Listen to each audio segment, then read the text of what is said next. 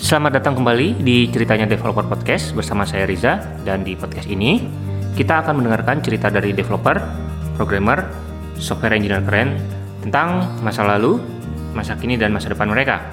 Tentang bagaimana mereka memulai karir sebagai developer. Dan kita juga akan mengorek-ngorek cerita tentang komputer pertama mereka, pengalaman ngoding pertama, hingga pekerjaan mereka sebagai developer. Dan sekarang saya sudah bersama Imre lagi, uh, data engineer-nya Traveloka. Jadi uh, boleh tolong diperkenalkan dulu buat teman-teman yang belum kenal.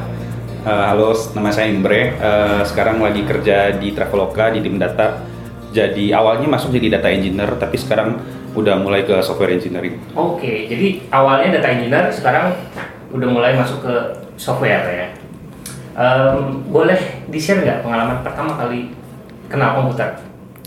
Kalau kenal komputer kayaknya SMP deh. SMP. Waktu itu dibeliin komputer Pentium 4 sama orang tua waktu itu. Oke. Okay. Tapi waktu itu masih dipakai buat ngegame. Hmm. Nah, terus dari SMP itu uh, kayaknya keren nih kalau bisa jadi hacker. Okay. Terus belajar lah hacker-hacker segala macam. Kan waktu itu masih kayak zaman fake page uh, login Facebook dan segala yeah. macam itu. Friendster juga ah. masih uh, di facing nutup halaman yang uh, oh iya bisa nambahin script JavaScript nah, gitu-gitu ya nah, dulu tuh nyobain kayak gitu tuh tuh udah keren banget kayaknya anak SMP okay. terus abis itu sampai SMA pun juga ikut tim Olimpiade komputer hmm. terus pas masuk ITB juga pengen IF hmm. tapi ya gitulah karena dua kan kalau di ITB tuh ada tiga kali tuh kuesioner kuesioner okay. okay. uh, satu dua satu dua tiga satu dua milih IF yang ketiga milih elektro. Oh. akhirnya masuk elektro. Masuk elektro. Itu tahun berapa masuk kuliah? 2010 2010 tapi komputer udah dari SMP lah. Belajar komputer udah dari SMP nah kalau ngoding pertama kali? Ngoding pertama kali. Kalau ngoding yang emang ngoding beneran kayaknya SMA deh. SMA ya? Iya tapi kalau udah ngeliat skrip-skrip yang macam-macam oh. itu PHP itu udah pas itu SMP. SMP ya tapi nggak ngerti cuma kopas-kopas doang. Kopas-kopas doang. SMA belajar di sekolah kah atau otodidak kalau uh, dulu karena ikut tim Olimpiade komputer kali ya jadi oh, ada, ada dosen ada yang gitu ya? datang ya ada ekskul terus belajar tapi waktu itu masih jadul masih Pascal Pascal ya? Tahun berapa tuh SMA 2007 lah. 2007 ya? Pascal oke. Okay. dan itu tujuannya adalah untuk Olimpiade? Hmm. nah terus kuliah masuk elektro ITB tahun 2010. Hmm. Nah yang menarik lanjut master ya, lanjut ya, master di master. CMU ya. Carnegie Mellon University. Betul. Boleh ceritain nggak uh, gimana ceritanya bisa masuk ke situ? Jadi uh, sebenarnya karena dari dulu pengen IF, mm-hmm. tapi waktu ITB uh, malah kuesioner terakhir tadi milih elektro. elektro. Jadi tapi tetap di elektro pun juga masih ngoding, tapi waktu itu ngodingnya uh, ngoding robot kayak yeah, gitu. Low level ya? Ya. nah terus pas uh, lulus pengen IF lagi nih. Pengen IF lagi. Tapi kan gap elektro sama IF tuh jauh. Ya. Bukan jauh sih, tapi lebih kayak uh, anak elektro ada bagian-bagian yang nggak ngerti IF tuh kayak gimana. Oke. Okay. Jadi mutusin waktu itu buat kerja. Jadi dua tahun kerja tujuannya buat biar bisa belajar jadi software engineer. Hmm. Nah akhirnya uh, sambil kerja apply masuk CMU, alhamdulillah keterima. Itu juga sakit dari lima kampus daftar cuma satu yang diterima CMU. CMU. uh, ingat gak kampus apa aja? Oh, inget lah. Inget lah ya. Jadi uh, CMU tuh play dua, okay. uh, machine learning satu, satu lagi software engineering. Oke. Okay. Uh, yang keterima software engineering. Uh -huh. Terus yang lain itu computer science semua, uh -huh. uh, ETHZ, ETH Zurich. Oke. Okay. Terus Urbana Campaign, satu lagi EPFL, hmm. uh, Ecole Polytechnique Fédérale de Lausanne. Itu computer science juga, tapi ditolak Itu. karena alasannya backgroundnya elektro. Karena backgroundnya elektro. Iya. Nah, uh, tahu informasi apply ke sana tuh dari mana sih? Dari sebenarnya di elektro itu dulu ada anak uh, Dipta. Mm-hmm. Dipta uh, yang sekarang di Gojek Data Science. Dulu kan dia juga elektro. Oh, oke. Okay. Waktu itu uh, Dipta masuk CMU. Ya udah pengen juga nih masuk CMU kayaknya keren. Mm. Sebenarnya karena itu aja sih. Oh, gitu. Karena ada ada temen yang udah masuk duluan. Terus kesan-kesan selama kuliah di sana gimana? CMU tuh keras. Keras ada satu kuliah yang uh, bebannya itu sampai 30 jam seminggu. 30 jam seminggu. Dan kalau master tuh ngambilnya tiga mata kuliah. Jadi 30 jam terus tambah rata-rata 12 jam 12 jam jadi sekitar 54 jam lah seminggu. Hmm. Nggak tidur. Biasa. Nggak tidur ya. Kalau anak CMU kayak gitu. Oh. Dan emang ada surveinya kalau anak CMU jarang tidur. Oh ya? seru banget sih. Seru, ya? Kalau dari pengalaman hidup itu seru banget. Eh, itu pertama kali masuk ke lingkungan yang nggak ada orang Indonesia sama sekali. Ada Jadi Indonesia? kampus aku tuh eh, kan orang tahu CMU di Pittsburgh. Ya. Tapi kampus aku tuh CMU Silicon Valley itu di dalam NASA. Oh. Nah, jadi eh, kita kalau mau masuk kampus tuh masuk gate NASA, diperiksa segala macam, masuk ke dalam. Terus orang-orangnya karena anak-anak Indo pada milih CMU Pittsburgh, jadinya di sana juga sendiri. Sendiri. Jadi mau nggak mau harus bergaul sama orang India, orang China, China dan segala macam. Oke. Itu seru banget sih. Jadi emang pressure untuk survive-nya lebih tinggi kali ya. Dan karena di Silicon Valley enaknya tech company itu di mana-mana. Jadi kalau mau ada eh, misalnya pulang kampus nih, eh eh, ada acara nih hari ini di Apple, ya udah ke Apple, datang lihat Apple sharing sesuatu. Besoknya lagi ada ada di Google. Jadi bahkan seminggu itu eh, bisa ada meetup meetup yang overlap tiap hari. Tiap Jadi hari kita tinggal, tinggal iya, kita tinggal milih hari ini mau ke sini, hari kedua mau ke sini, ketiga sini. Nah itu gue dulu kenal Giri itu juga di sana Dari karena Giri juga di situ. Jadi sering pergi minta bareng. Dari sisi teknologinya bagus banget sih. Bagus banget ya. Dan menariknya kalau kuliah menjadi student di luar itu apa pun eventnya kayak FA itu gratis. Gratis ya? Jadi waktu itu masuk FA gratis, Google I.O. dapat diskon, macam-macam deh. Wow, Seru oke. Seru ya. Nah dari situ berarti satu setengah tahun, terus pekerjaan pertama, pekerjaan pertamanya. Setelah lulus S1 apa? Setelah lulus eh, S2, S1 sempat kerja? Kerja dua tahun. Kerja dua tahun di mana? Di Ice House. S House, oke. Terus Ice House waktu itu ikutan ngerjain GoBox iOS. Terus habis itu eh, diajakin ke Bright Story Hmm, Great Story. ngerjain iOS lagi. Nah di sana baru mulai ngerjain data. Baru mulai ngerjain data di Great Story ya. Habis itu lulus S2 Traveloka. Traveloka.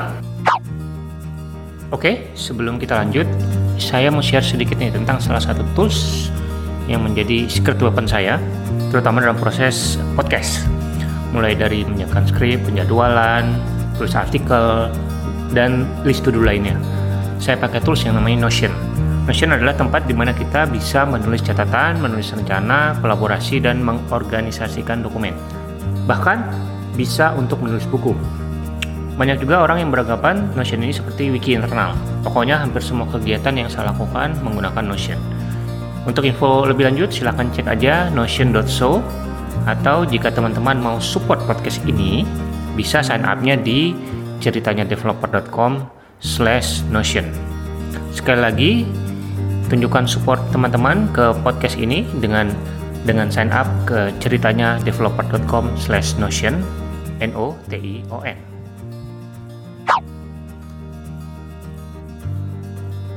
Yang menarik tadi ada apa? Ada cerita intern-intern, boleh diceritain nggak? Oh, Ini seru, eh, sempat ke eBay ya kalau salah ya. Itu gimana ceritanya? ceritanya dari mana nih? Dari mulai apply intern. Apply intern itu kalau di US eh, mahasiswa itu masuk fall bulan Agustus. Eh, Internnya kan eh, kira-kira Juni Juli tahun depan. Oke. Itu mereka udah mulai daftar company-company udah pada buka di sana. Jadi kita tinggal apply terus nyiapin persiapan interview. Jadi biasanya bulan November Desember itu baru mulai start interview. Jadi kalau aku tuh dulu eh, belajar dulu November Desember tuh baru mulai interview. Itu tuh ada beberapa perusahaan terus apply inter apply internship dipanggil interview Eh, kan kalau intern rata-rata interviewnya phone call. Hmm. Eh, ada juga yang disuruh datang ke kantor tapi interview pertama pasti pasti phone call. Itu rata-rata pas awal-awal kan masih apa ya tiba-tiba ngomong bahasa Inggris terus technical Ya. itu pusing banget. Pusing ya, Jadi akhirnya eh, gagal gagal gagal. Interview pertama itu Microsoft. Microsoft. Oke. Disuruhnya gampang. Jadi waktu itu disuruh eh, hitung luas intersection antara dua rectangle. Oke. Tahu nih caranya, tapi ngejelasinnya nggak tahu. Terus a- abis itu gagal, eh, udah nggak tahu kan. Akhirnya diganti sama dia. Ya udah sekarang tahu itu nggak sorting algorithm. Oke. Quick sort, nge-sort tahu, coba jelasin. Bahasa Inggris lagi nih. Wah, itu bisa. Akhirnya pas di akhir interview, Microsoft bilang, kamu udah tahu nggak hasil interview hari ini bakal kayak gimana? Udah, nggak lulus. ya udah. Jadi banyak, terus dia nyaranin eh, banyak belajar, maksudnya bahasa perbaiki lagi. Terus habis itu interview, interview, interview gagal. Sampai akhirnya, karena aku eh, bukan sebenarnya bukan pembenaran juga sih. Anak, anak elektro itu cuma dapat pengenalan teknologi informasi di semester yeah. 1 di ITB. Yeah. Uh, terus dapat apa sih namanya Alstrukdat di semester 3 kalau nggak salah. Hmm. Terus yang advance advance itu nggak dapat lagi. Sementara pertanyaan interview itu rata-rata dari materi lanjutan mereka dan segala macam. Nah, itu terus terang jadi beban juga sih mas. Jadi eh, nggak uh, ada ngerasa nggak kuat. Abis itu akhirnya belajar belajar, tapi di situ aku sadar kalau seandainya uh, aku tuh punya kekuatan lain. Jadi secara computer science, algoritma, data struktur mungkin kurang. Wow. Tapi dari sisi uh, style coding dan segala macam, kalau ngoding uh, desain pattern, aku ngerasa waktu itu di level tingkat anak S2 uh, codingan aku tuh termasuk salah satu yang rapih lah kayak gitu. Okay. Makanya waktu itu akhirnya ada uh, coding challenge Tesla. Hmm. Tesla ngasih coding challenge, terus habis itu ya udah aku apply. Uh, ternyata habis itu dikasih tahu uh, coding aku itu nomor tiga dari top. Terus wow. uh, ya udah uh, kita mau interview user nih hmm. untuk internship mau nggak? Ya udah mau. Akhirnya interview sama calon uh, apa sih namanya hiring manager. Okay. Akhirnya di situ lulus. Hmm. Nah udah megang cover Tesla nih. Tesla. Uh, interview uh, apply ke mana-mana bilang saya udah megang offer Tesla nih uh, mau apply dong internship di sini. Ya udah besok interview. Abis itu interview uh, ditanya ngoding coding segala macam. Abis itu dapat lagi sampai akhirnya waktu itu eBay nelfon uh, eBay ini sebenarnya udah apply dari bulan November, tapi waktu itu baru ditelepon tuh sekitar bulan Maret. Hmm. Itu kalau bulan Maret itu udah kayak anak-anak nyari intern udah desperate lah, udah nggak ada harapan. Makanya rencananya waktu itu udah sempat apply intern ke Agoda. Oke. Okay. Agoda di Thailand, udah Thailand. terima, ah. udah terima. Jadi kalau nggak dapet intern, ya udah gue pulang intern di Agoda. Oke. Okay. Jadi akhirnya habis itu uh, eBay nelfon, uh, kita mau uh, interview buat intern ya udah uh, tapi saya besok nih mau ngasih pengumuman buat Tesla mau diambil apa enggak. Jadi ya udah interviewnya besok pagi aja jam 8 ya udah akhirnya jam 8 interview uh, sama hiring manager. Uh, kebetulan dia orang security gitu. Jadi dia nanya ngapain aja? dan segala macam. Akhirnya lolos. Uh, udah siangnya mau lagi jalan jumatan di telepon uh, ini uh, kita mau ngover uh, eBay intern di eBay okay. langsung diambil langsung diambil ya jadi hanya gara-gara pegang satu intern yang udah berhasil itu hmm. bisa membuka pintu yeah. lebih banyak gitu yeah. ya sama sih kayak teman-teman yang kuliah mereka udah megang over Google nih misalnya hmm. setelah mereka mereka megang over Google, Facebook atau apa pun itu, terus mereka apply ke di company yang lain itu mereka pasti dapat. Gitu. lebih tinggi. Iya. Wah, oke. Terus uh, ini pertanyaan mungkin udah sering banget ditanyain. Kenapa milih eBay daripada Tesla? Gosipnya kan katanya Tesla kan keren banget kan teknologinya. Sebenarnya lebih karena apa ya? Uh, yang pertama terus terang aja lebih karena finansial. Finansial ya. Uh, yang ditawarkan sama eBay itu lebih lebih benefit lah. Lebih banyak benefitnya ya. Dan dengar-dengar cerita pun di intern di eBay lebih itu lebih seru lebih seru. Karena eBay itu dia punya satu event di tengah-tengah internship itu ada namanya eBay Intern Week kalau nggak salah. Oke. Okay. Jadi satu minggu kita eh, nggak uh, kerja, satu minggu kita dikumpulin ke di HQ.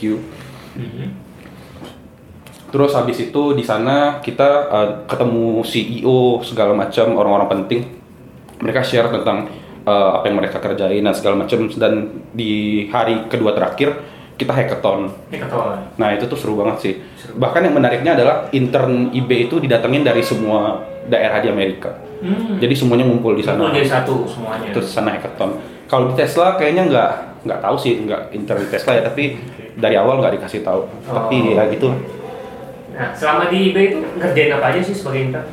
Jadi karena waktu aku di S2 uh, eh, fokusnya ke data analitik kayak gitu, waktu interview pun juga ditanya skill apaan skill data engineering jadi ya udah pas di IB akhirnya kan aku kerja di tim uh, security kan ada istilahnya tim blue team sama red team hmm.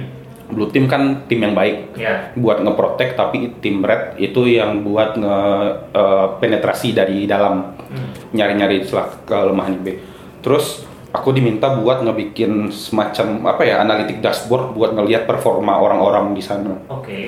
Jadi misalnya ada security analis kerja itu mereka dalam seminggu mereka bisa nge-capture berapa masalah, nge-solve berapa masalah.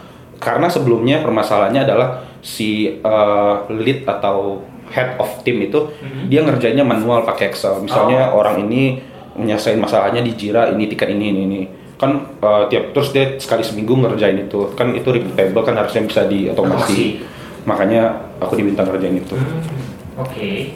seru ya seru setelah dari sana lulus habis itu uh, pulang ke Indonesia uh, satu semester terakhir satu semester terakhir setelah itu langsung ke Traveloka iya sebenarnya dapat offer Traveloka itu waktu itu pas di semester terakhir sih. Belum pulang. Oh, belum jadi, lulus juga. Belum lulus. Jadi pulang intern itu sempat pulang ke Jakarta dua minggu, oh. terus ngobrol-ngobrol. Pas pulang balik ke US di telepon lagi sama recruiter. Kita mau ngasih offer. Hmm. Sempat galau nih, soalnya kan uh, waktu itu di eBay juga udah uh, megang offer. Oh, di eBay di, juga di return offer. offer. Oh, terus full di sana. Hmm, terus abis itu pulang nggak ya, pulang nggak ya. Tapi ya akhirnya karena banyak hal banyak hal lah maksudnya salah satunya aku beasiswa kan jadi uh, S1 pun beasiswa S2 alhamdulillah juga beasiswa. Jadi kayak kayaknya utang ke negara udah banyak. Jadi okay. ya udahlah pulang. Pulang. Akhirnya pulang. Pulang terus uh, begitu di juga sebagai data engineer. Iya awalnya data engineer. Oke. Okay. nah uh, ingat nggak ada aplikasi menarik atau yang keren yang pertama kali dibuat gitu? Yang di mana? di mana aja? Dari kuliah kayak dari SMA atau SMP? Kalau yang paling paling menarik apa ya? Kalau yang impactnya paling gede yeah. itu uh, terus terang waktu ngerjain GoBox. GoBox. Karena di Esos ya. Iya di Esos. Karena emang usernya sampai sekarang Gojek pun masih banyak kan user. Hmm. Itu emang berasa berasa banget uh, impactnya ke masyarakat. Tapi okay. kalau yang dari sisi analitik maksudnya emang ngerjain big data itu eh, kayaknya emang kerja di Traveloka sih, soalnya ya. jumlah datanya segala macam. Terus uh, bedanya kerja di startup sama startup yang udah lumayan gede itu lebih ke nggak pengen ngomong scale juga sih, tapi lebih ke uh, permasalahan yang pengen di solve itu udah beda. Berbeda. Nah, okay. Jadi kalau dulu di startup pengennya ya udah kita bikin aplikasi jalan, tapi kalau udah di Traveloka mikirnya kayaknya kita harus uh, optimasi sana sini sana sini juga kayak kayak gitu. Oke. Okay. Nah, uh, momen atau kontribusi yang sampai saat ini yang membanggakan apa sih ada uh, kontribusi ke apa aja momen atau misalnya yang kayak tadi kan mungkin diterima IB juga salah satu momen yang membanggakan kan sebenarnya kalau sampai sekarang itu momen yang paling membanggakan itu sekaligus kontribusi ya okay. kayaknya itu waktu aku dan dua orang teman lainnya itu pertama kali keterima intern di CERN bisa. Iya. Oke. Okay. Jadi itu uh, pertama kali itu sebelumnya belum ada. Mm -hmm. Jadi karena waktu itu LIPI juga baru menjalin kerjasama sama CERN. Jadi kebetulan aku waktu itu nggak tahu tuh LIPI lagi menjalin kerjasama dan akhirnya apply nih, apply internship di CERN. Ternyata ada beberapa orang juga nih orang Indo yang apply. Mm -hmm. Sampai akhirnya uh, interview dan akhirnya oh ya udah kepilih. Dan di sana dikasih tahu kalian adalah tiga orang pertama mahasiswa pertama uh, S1 yang menginjakan kaki di CERN. Oh. Itu kayak apa sih? Luar biasa banget sih. Oh, jadi uh, untuk intern pada saat master itu di IB, yeah. tapi pada saat S1 di ITB itu di CERN. Iya. Menariknya yang ngerasa banget itu apa? Jadi itu pertama banget. Setelah kedua, terus tahun depannya lagi ada nih junior yang keterima intern di CERN. Tahun depannya ada lagi, tahun depannya itu ada lagi dan sampai tahun berapa gitu akhirnya LIPI itu uh, akhirnya udah menjalin kerjasama sama CERN itu secara nggak langsung merasa uh, oh dulu pernah kontribusi di bagian ini. Jadi kayak apa ya kayak gitulah. Happy. ada happy kebanggaan yang bisa uh, bu menjadi pembuka pintu gitu. Hmm. tapi kalau udah di sana ceritanya wah sedih lagi beda sedih lagi. lagi. Di sana berarti di Swiss ya? Di Swiss. Itu uh, ngerjain apa pada saat uh, intern di sana? Sama waktu itu uh, monitoring. Monitoring. Monitoring. Jadi uh, kan kalau di CERN itu kan akselerator partikel. Hmm. Uh, dia di bawah tanah 100 meter ada empat biji tuh. Dia lingkaran terus di kayak di satu titik terus ada empat titik lainnya itu ada akselerator gede namanya. Hmm. Uh, ada kalau aku tuh di ALICE. ALICE itu a Large Ion Collider Experiment kalau nggak salah. Hmm. Jadi waktu itu mereka lagi shutdown kebetulan summer 2013 itu dan mereka tuh lagi nge-improve uh, monitoring mereka. Sebelumnya itu mereka pakai TCLTK script. Oke. Script yang aku sendiri nggak tahu itu apa. Terus waktu itu mereka minta tolong dong uh, perbaharui ini dengan uh, teknologi yang baru. Hmm. Karena waktu 2013 tuh kayaknya Node.js belum booming-booming banget ya. Jadi akhirnya ya udah pakai PHP. Jadi waktu itu bikin semacam web monitoring buat monitor sama ngeconfig uh, apa sih alat-alat mereka yang di bawah itu. Oh, gitu. menarik sekali ya. Nah, tadi kan momen yang cukup membanggakan. Kalau momen yang memalukan ada nggak pernah kejadian? Malukan apa ya? Malukan sih kayaknya banyak ya.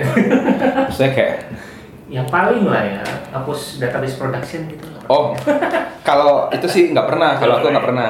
Tapi waktu ngerjain Gojek tuh pernah. Oh, jadi di Gobox itu. Iya, jadi aku kan ngerjain Android, eh iOS, teman iOS. satu lagi ngerjain Android. Ah. Jadi eh, waktu itu back end kita lupa ngasih eh, index key. Oke. Jadi pas masuk traffic dari Gojek itu back endnya down kan karena Hmm. lama banget. Database Nah, lama. untung jadi kalau di iOS-nya itu dulu kita tuh login ke dua tempat ke server Gobox sama server Gojek. Oke. Kalau di Android itu di blok satu. Kalau server Gobox fail Mhm. ke Gojek mereka nggak bisa. Hmm. Nah, tapi kalau iOS waktu itu aku ngerjain eh, kalau seandainya ke Gobox nggak bisa, tapi ke Gojek tetap bisa. Jadi Android itu sempat down tuh. Android sempat down. Jadi waktu itu sempat down, tapi itu emang kalau temen tuh sampai sekarang sih masih kalau diketawain masih pasti keinget-inget gitu sih. Keinget ya.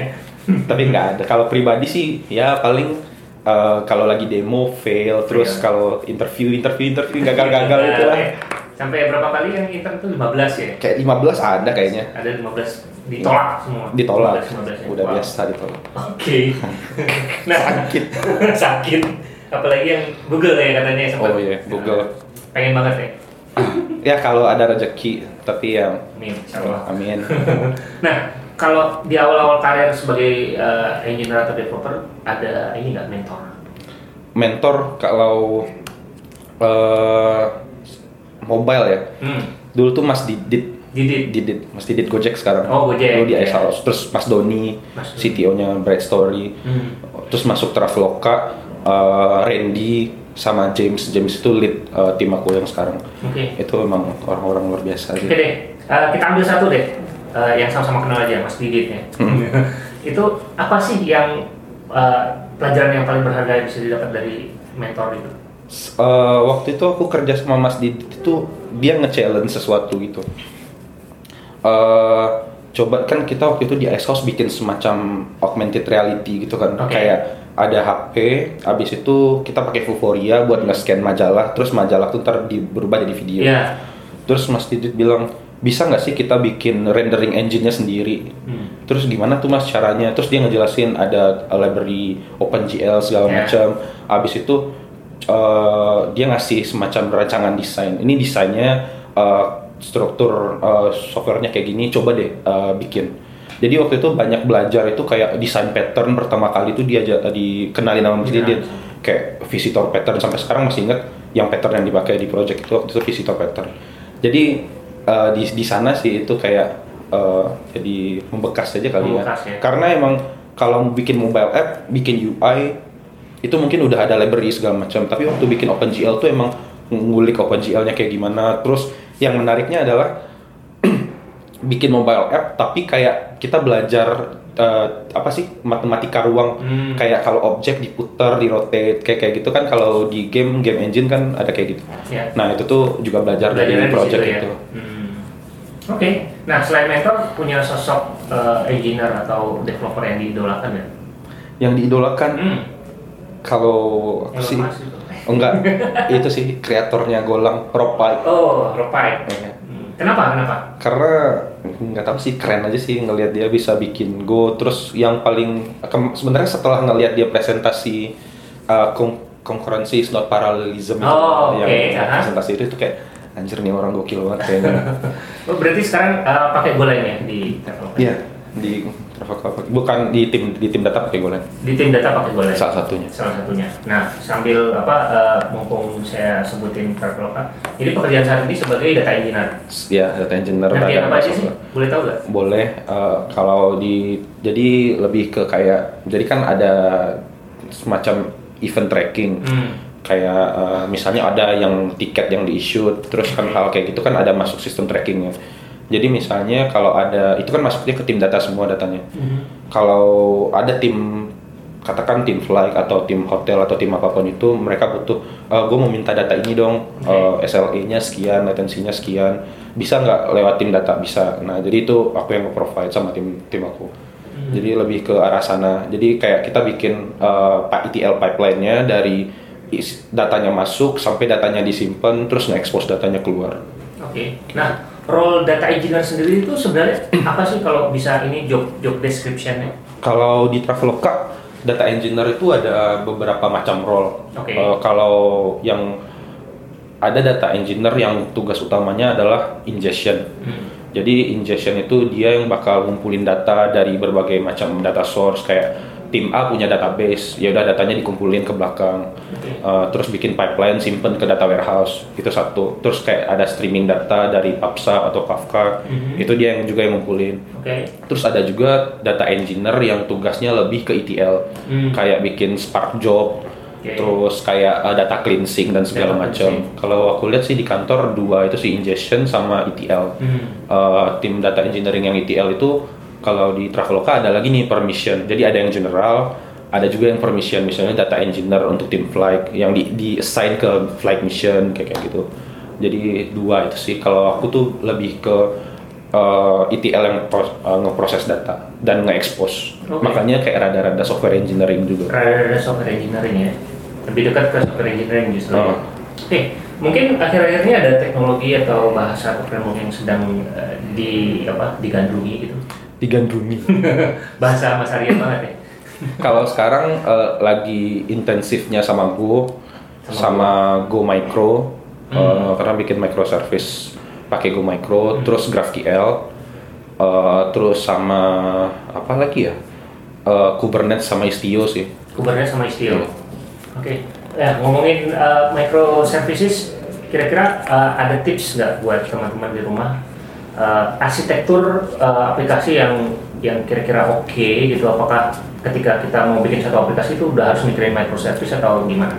Oh sebenarnya sih uh, udah jelas jawabannya enggak. Jawabannya enggak ya. Karena um, bikin microservice dan maintain itu repot banget. Repot ya. Jadi misalnya kalau microservice kan servisnya nggak cuma satu, ya. bisa katakan ada beberapa lima. Hmm. Tapi kalau timnya cuma ada lima orang satu tim itu bakal susah banget Uh, jadi kalau seandainya mau bikin aplikasi pertama kali mulailah dari monolith. Monolith dulu ya. Pasti. Hmm. Terus kalau timnya udah banyak dan dengan monolith itu kita jadi terblok maksudnya uh, mau deploy susah karena harus nunggu ini tim-tim lain dulu.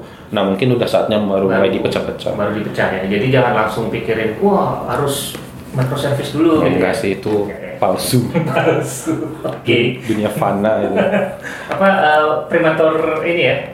Scaling ya. Iya benar. Oke, okay. kalau di luar programming atau engineering punya hobi gak sih? Wih, ada dong. Apa tuh? Mancing. Mancing. Mancing ikan? mancing ikan, mancing di laut. Oh. Sebenarnya okay. karena dulu bapak uh, itu suka mancing. Hmm. Jadi uh, udah kan abis itu uh, gede-gede nggak dibolehin mancing sama mama nih. Kenapa? Karena itu sebenarnya kayak takut aja, takut, takut tenggelam segala oh, macam. Oh bahaya ya. Terus udah, tapi suka nonton mancing mania, okay. pas narik ikan, okay. anjir keren banget. Terus dapat ikannya gede-gede kan. Uh. Terus akhirnya pas sudah nikah bilang ke istri, gue pengen mancing dong, boleh nggak?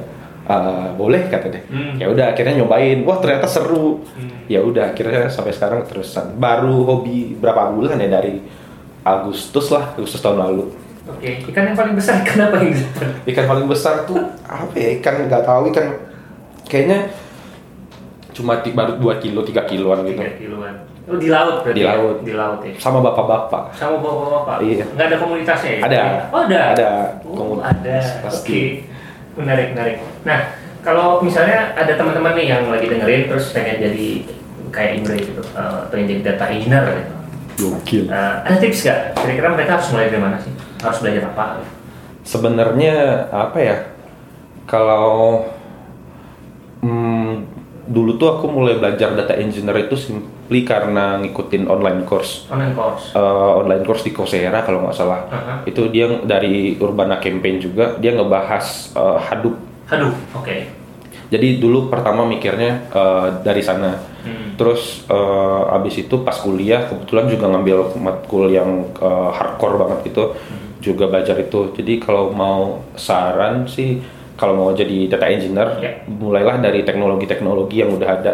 Kayak minimal nggak uh, usah Hadoop deh, tapi tahu dulu Hadoop itu pakai apa, MapReduce. Hmm. Jadi konsep-konsep lebih ke fundamental konsep. Fundamental Karena kalau seandainya ngomongin Hadoop, dulu tuh kena pas salah satu gagal interview juga kayak gitu. Aku bilang di CV bisa Hadoop, tapi ketika interview ditanya, coba dong jelasin MapReduce itu apa. Nah, nah itu nggak bisa. Nggak bisa. Iya. Oh, oke. Okay. Jadi pahami fundamentalnya dulu. Pahami ya? fundamentalnya dulu, jangan langsung ke bawah hype lah. Okay. Misalnya orang pakai Hadoop nih, perusahaan kita juga pakai Hadoop okay. nggak gitu juga tapi emang butuh nggak sih ya. gitu.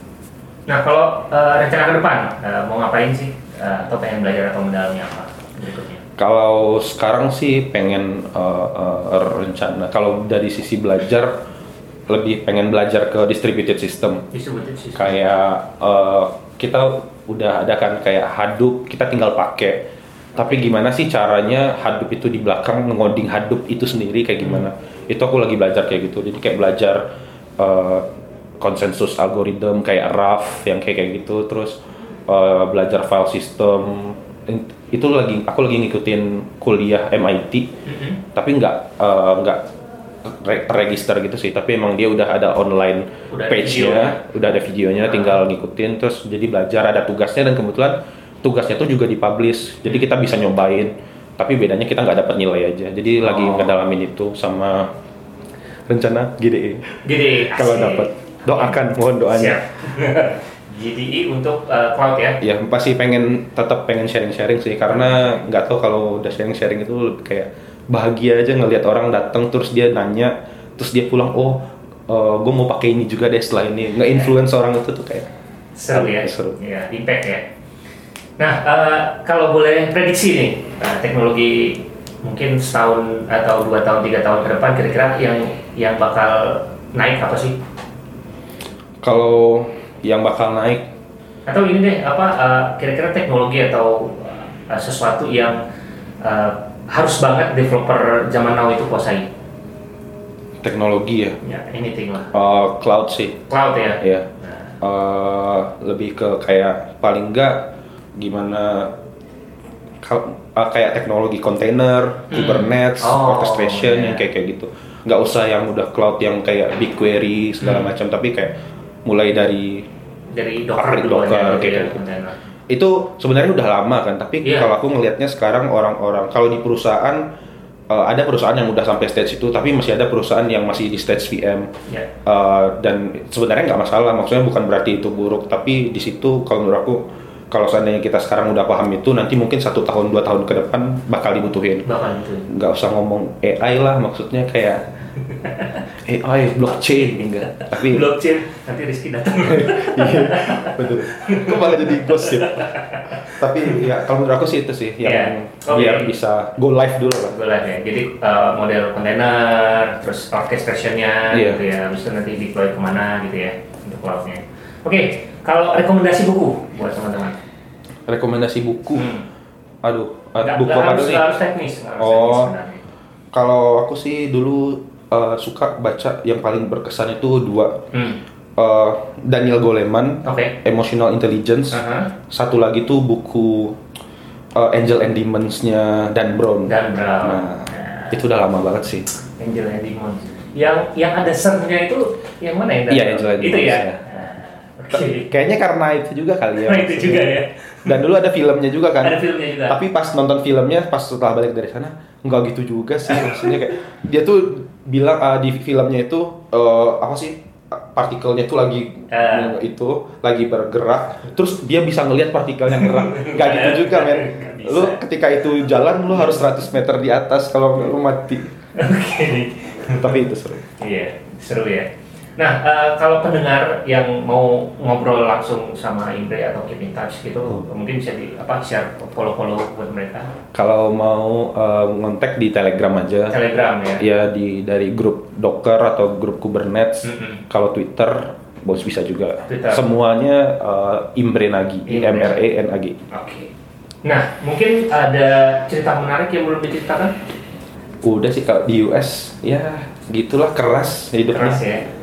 Ka- pokoknya kalau kalau aku prinsip uh, adalah kalau pengen dapat sesuatu itu harus susah-susah dulu Harus susah dulu ya. jadi uh, mau bahkan kalau ketika udah dapat pun Masih susah. pasti bakal susah Iya. jadi ya apa pun ceritanya itu pasti selalu ada sedihnya tapi pada akhirnya ya semuanya berbuah manis lah Hmm, ya kalau gampang semua semua orang juga bisa ya. Iya. Oke deh kalau gitu terima kasih Imre udah main-main ke Activate. sama-sama Sukses untuk uh, karir dan kehidupan. amin Mas Thank Riza you. juga thank you Oke. Itu dia episode ceritanya developer podcast kali ini. Gimana? Seru ya?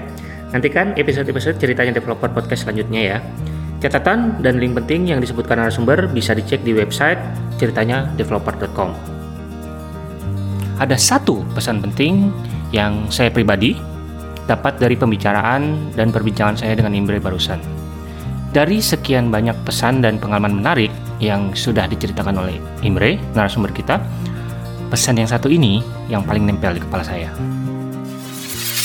aku uh, bukan sebenarnya bukan pembenaran juga sih anak anak elektro itu cuma dapat pengenalan teknologi informasi di Ya. semester 1 di ITB Ya. Uh, terus dapat apa sih namanya Alstrukdat di semester 3 kalau nggak salah terus yang advance advance itu nggak dapat lagi.